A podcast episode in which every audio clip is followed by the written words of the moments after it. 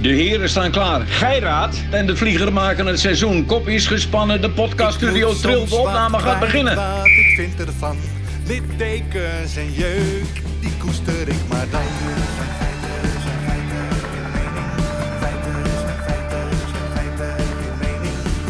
Duidelijk en luid, riemen vast vooruit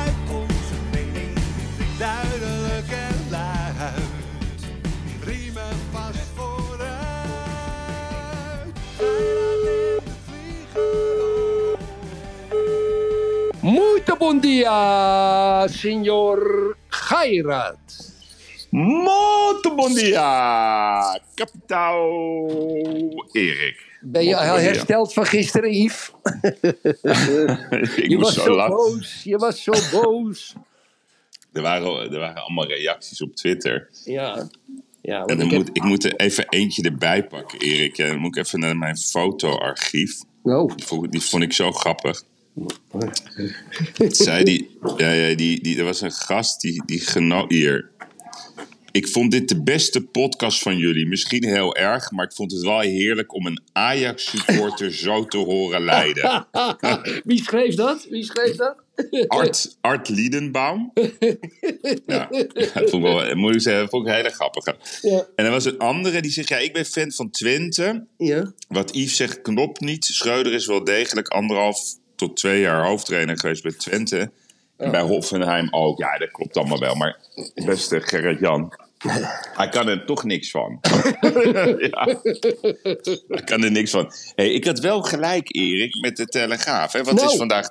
Ja, ik ben wel Nostradamus. Ja. Schreuder strijdbaar. Als Ten Hag had gezeten, was de kop geweest... Ten Hag moet vrezen. Ja. En dan doe ik hem open en dan zeggen ze inderdaad wat ik verwachtte. Bestuurlijke chaos en slecht aankoopbeleid zijpelen door naar elftal dat onder Alfred Schreuder stilstaat. Dus ze geven me een beetje de schuld. Maar uiteindelijk geven ze de schuld aan de RVC en het aankoopbeleid. Dus Ja, ja, maar, maar je had of nog een ding gelijk gisteren. Nog Ja. half gelijk. Nou, je zei over die Netflix-serie, Ja. over die seriemoordenaar, die dame, dame, Demer. Ja, daar stond ook vandaag in de Telegraaf dat Slachtofferhulp Nederland heeft een klacht ingediend bij Netflix. Want ze willen dat die serie van het Netflix afgaat. Ja, die mensen zijn natuurlijk niet lekker. Dat, het zou lekker worden. Omdat eh, veel slachtoffers zich daardoor ehm, eh, ongelukkig voelen. Ja. Maar ja, Yves, dan, dan, heb je, dan zeg je toch je abonnement bij Netflix op als je niet wil kijken. Nee, dat weet ik. dat- Ze gaan ja, verbieden, televisieprogramma's verbieden. Wat, wat, ja, maar dat wordt allemaal zo makkelijk gezegd, Yves. Nee, nee, daar had je een goede vraag gisteren. Moeten we het verbieden? Toen was ik aan het twijfelen. Toen dacht ik, ja, dan heb je een goede. Toen ging je mezelf de schuld geven dat ik de ChristenUnie opeens steunde. Ja, Ja, ja. Ons, ons vriend Gert-Jan Gert-Jan. Gert- Ja, ja, dat vond ik een hele goede. Geirat. Ja, Gert-Jan Geirat. Geirat. Nee, toen dacht ik, ja, je hebt wel gelijk. Je Ja. hebt gelijk. Dus eh, Maar, maar weet je wat ik een beetje een raar tendens vind, eh, Yves? Mensen zijn zo makkelijk de laatste tijd. Dat, ja, dat je het moet verbieden. Ook eh, ja, teksten op televisie en zo. Dat mag allemaal niet. En, en dan komt de ombudsman, want er is gelogen. En, je meent ja, het, Erik. maakt er ook wel eens een keer een missen. Karo Ja. Brandpunt, et cetera, toch ook? Nee, natuurlijk, iedereen maakt misses. Alleen dat is toch, dat is toch eh, dus over tien jaar kunnen we aan onze kleinkinderen vertellen dat 2022 was het canceljaar. Dus Ja, canceljaar, Iedereen, iedereen keerpunt. moet, Ja. iedereen moet Ja. gecanceld worden, Erik. Ja, ja, zeg er eens het van. Weet Zeg je wie ik vind dat we moeten cancelen? Hier is Balien. Hoezo? Nou, ik heb eigenlijk nog een heel ding uit de oude doos. Ik, ik, ik, ik heb ben altijd zwaar geïnteresseerd geweest in het Julian Poch verhaal. Weet je wel?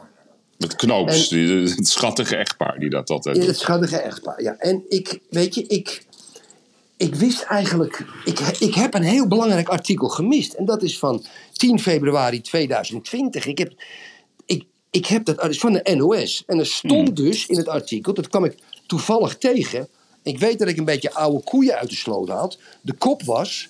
Nederland kwam met plan om Julio Poch in Spanje op te pakken. Het idee om Transavia-piloot Julio Poch, Julio Poch in 2009 in Spanje aan te houden en daar vandaan uit te leveren aan Argentinië, kwam van een medewerker van het Nederlandse Openbaar Ministerie.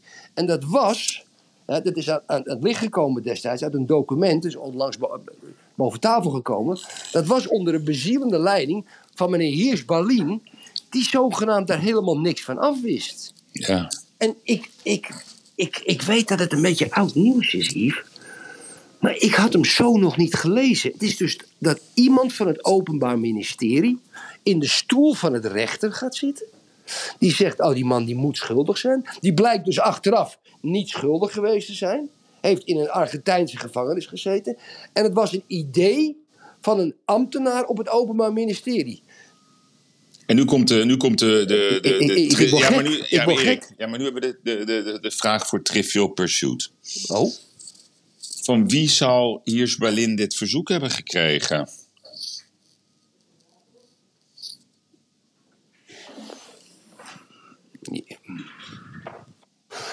ja, dat, dat, dat, jij doelt natuurlijk op het Koningshuis. Ja, dat denk ik. Ja. Maar dan moet ik. Oh, is gevaarlijk, Erik. Oh, mijn god. Ja, ja, nou ja, kijk. Kijk, er is natuurlijk met het hele Sorriete-verhaal, die, die, die vader van, van Maxima, daar is altijd druk op geweest. Dus op een, een of andere manier lijkt het wel of ze gewoon iemand gegeven hebben aan Argentinië. Ja, dat maar- zou dus kunnen. Ja, dat maar zou goed. dus kunnen. Was ook. Hier is maar hier is Berlin, dat vind ik wel Nee, fout. ik dat de vond stoel dat- van de rechter gaat zitten. Hallo. Ja, absoluut. En nee, maar ik vond dat een heel spannend dossier, omdat de Ja. piloten. Er werd toen vanuit die piloten dat verhaal eigenlijk Ja. gezegd, wat er nu eigenlijk uitkomt, dat dat ook zo is. Ja, Alleen Ja. dan mag eh, de nieuwe minister van Justitie, Dylan Jezilgoes, niet alle dossiers vrijgeven. Ja. ja, ja oké. Maar goed, ik was het even. Het is uit de oude, nogmaals uit de oude doos. Uit de oude doos. Ja, maar, Maar goed. ik- Ik, had het over ik cancelen, Erik. Ik, Cancelen. Ja, ik Wie heb- gaan we cancelen? We Ja. gaan iemand cancelen vandaag. Kom op. Ja, ja, ja, ik heb hem. Ik, heb, ik, ik vind dat we Christian van der Wal moeten cancelen. Ah. En ik zal je uitleggen waarom. Oké, oké, oké, oké. Kijk, gisteren was het rapport Remkes. Nou, Ja. Re- Remkes, je kan alles van hem vinden, maar hij heeft wel uitstraling. Hij heeft een mooie, mooie stem dat doorrookte. D66, niet vergeten, heeft nog geprobeerd om hem te cancelen. Om hem neer te zetten Ja. als een dronkenlap. Alleen, hij heeft toch op de een of andere manier de energie ingestoken. Wat natuurlijk iedereen had moeten doen. Hij is met de boeren gaan praten. Hij heeft zich in het dossier eh, verdiept. En hij kwam tot de conclusie dat de boeren eigenlijk nog helemaal niet zo slecht bezig zijn. Die zijn heel ver ook qua innovatie. Daar waren ze ook al ver- verbaasd. Maar hij heeft de moeite genomen en hij is niet kinderachtig geweest in zijn rapport. Maar nu komt hij, Erik. Dan komt dus Ja. dat rapport uit. En dan komt er een foto.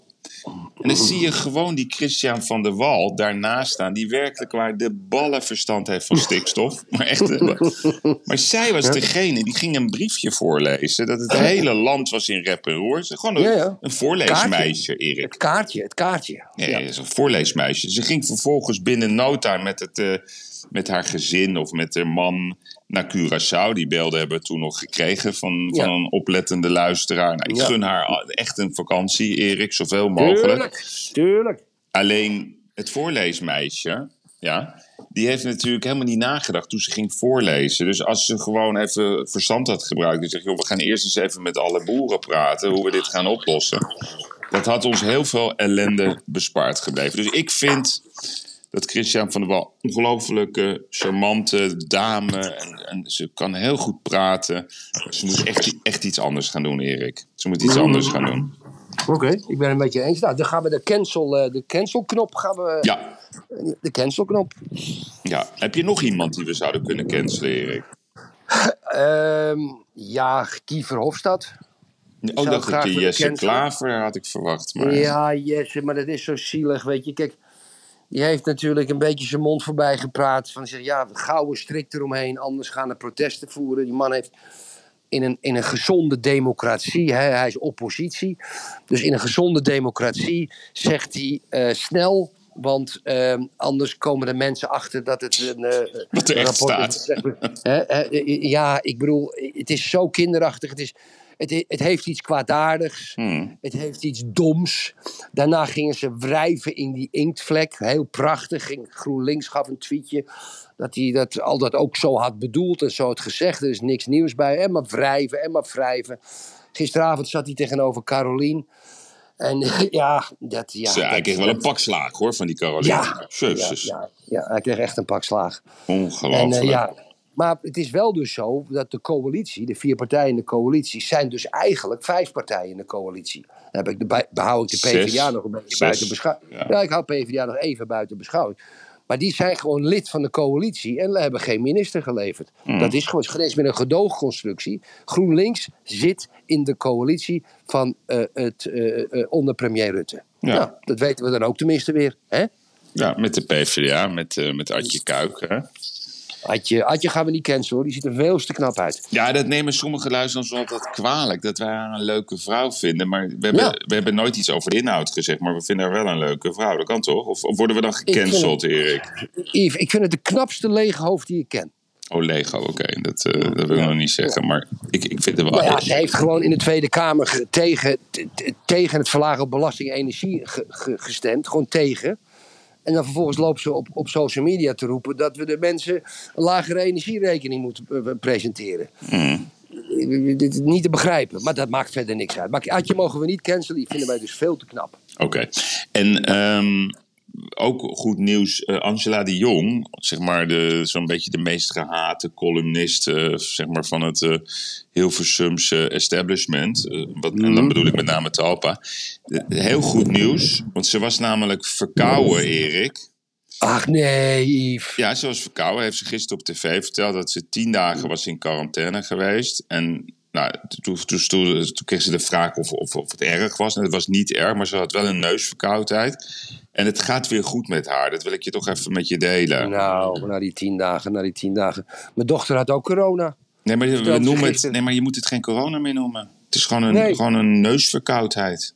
Ja, het is een, het is, het is een neusverkoudheid. Ik las een mooi artikel in, uit 1957. Dat, niet dat ik dat zomaar aan het zoeken was, maar dat was ook weer op Twitter. En daar stond er in de krant eh 70.000 griepgevallen per dag. Ja, Ja, ja griep. Ja, dat, Ja, dat, ja, ja, corona is- dus blijkbaar griep. Weet je hoeveel mensen er nog overlijden aan corona? Zijn er statistieken van eigenlijk, Yves? ja. Ik, ik volg het allemaal niet meer zo erg. Nee, ik, ik, ik heb er geen zin in. Dan moet ik weer gaan kijken hier. Ik doe het me Ja, niet aan. Ik wil niet Nee, meer in nee. die, die, die... Dan moet ik weer naar de RIVM-cijfers. En dan moet ik weer gaan ont, ontrafelen of het wel Hey. of niet corona is. Nee, hou, op, hou op. Hey, Ik ben trouwens mijn eerste dag weer aan het werk gegaan, Yves, net. Ja, ik, zei- ik zei Dus, tegen jou vanochtend heb- dat je, daar, je ziet er uitgerust uit. Ja. Ja, ja, ik heb al mijn personeel bij elkaar geroepen. Ik heb een kleine toespraak gehouden welke richting we we uitgaan. Wat, we allemaal, wat er allemaal gebeurd is de laatste weken. En eh, ik heb mijn individuele lijstje van al mijn werknemers. Dat heb ik tijdens mijn huwelijksreis gemaakt. En dan maak ik al die namen, schrijf ik op in mijn notities. En de punten die ik met ze wil bespreken. Ja. Dat zijn er dus vijf op een sleutelposities. En die heb, ik heb er al twee van gesproken. Ben door lijstjes gegaan. Iedereen weer aan het werk gezet. Hartstikke idee. Oké. Dat vind ik lekker. Ja, en, en ik las ook dat. Ik weet niet of dat een oud artikel was wat je stuurde, maar ik la- las het ook in een ander stuk vandaag in de krant. Dat, dat, dat Portugal is toch een soort bitcoin-heaven aan het worden. Ja, Dat heb ik je gestuurd, ja. Kijk, dames en Ja, heren. maar het- ook stond vandaag ook een artikel over in de krant. Ja, klopt, klopt. Dat heb ik je gestuurd.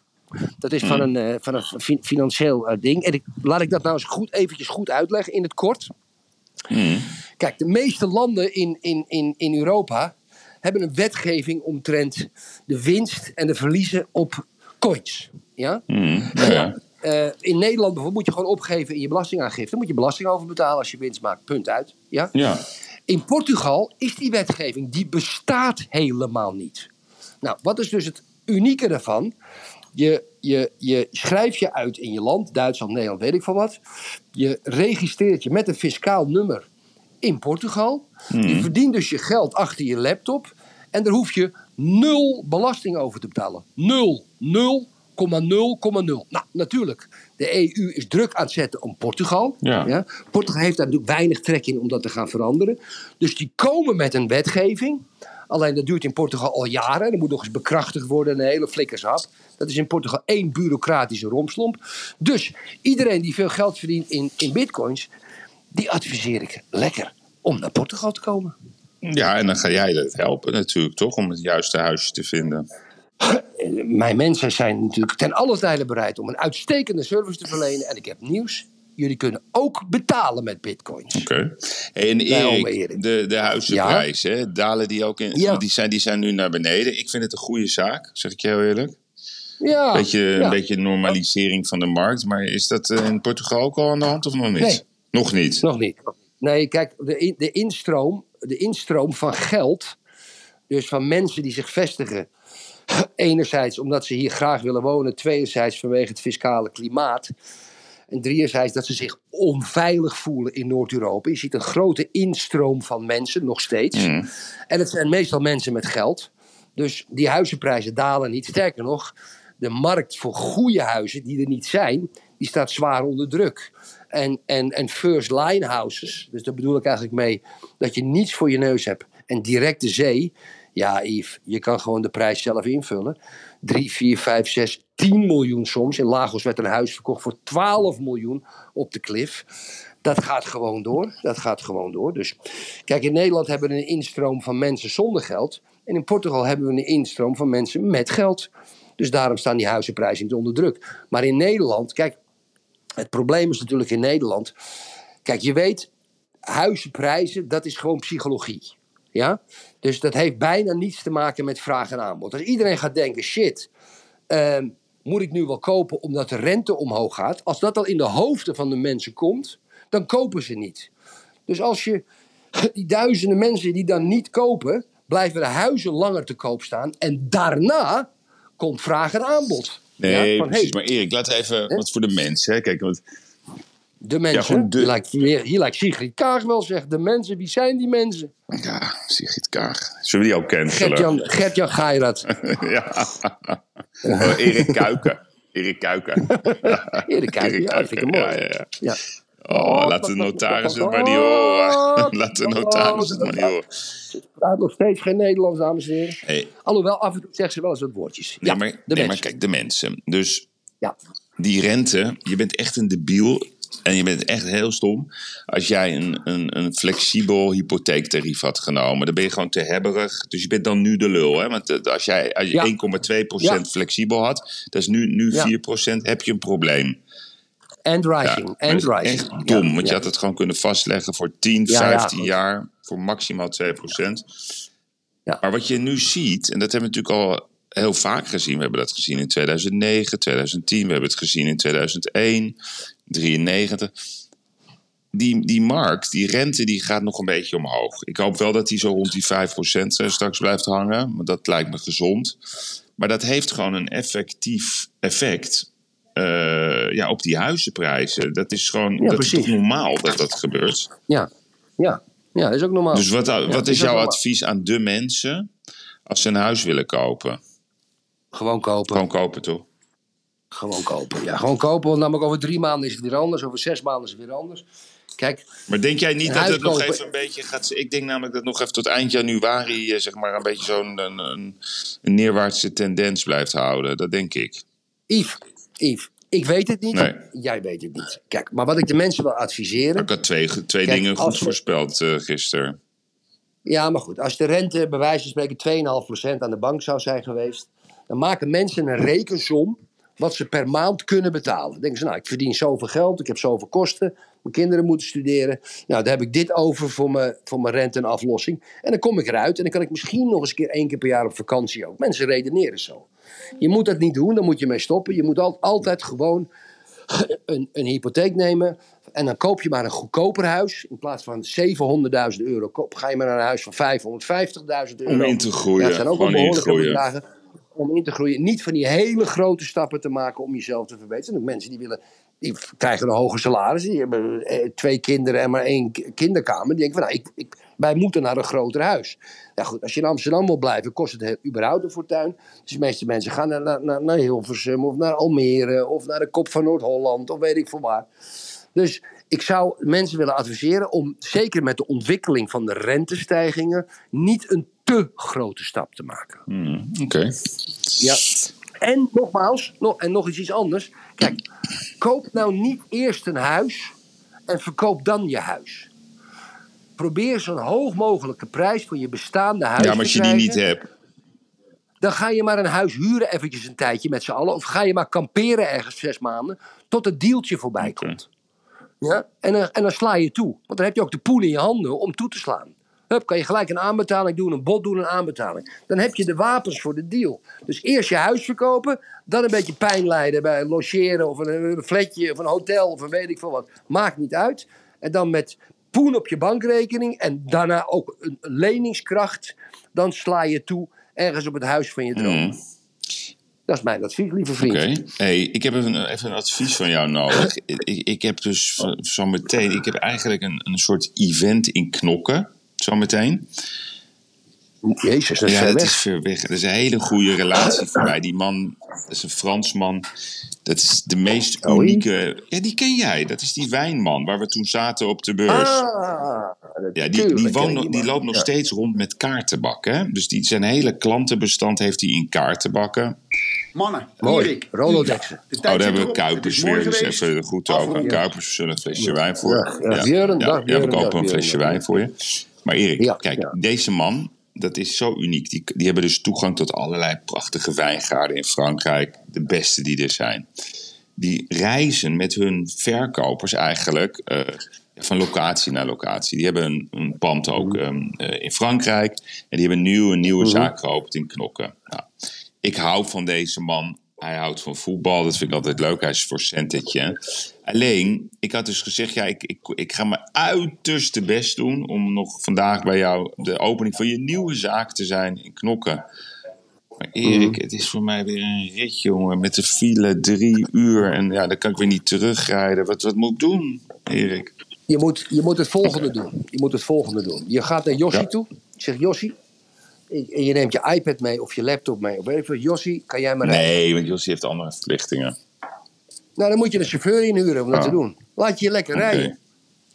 Je, laat je, je, je hebt van die chauffeursdiensten, die komen gelijk. Ja, die ja, ik, ik vind dat nooit fijn. Ik, wil altijd de controle hebben. Dat is een beetje mijn probleem. Ja, maar je, je, ga je lekker op je iPadje, je gaat lekker op je laptop, je gaat een beetje googlen. dan ben je goed.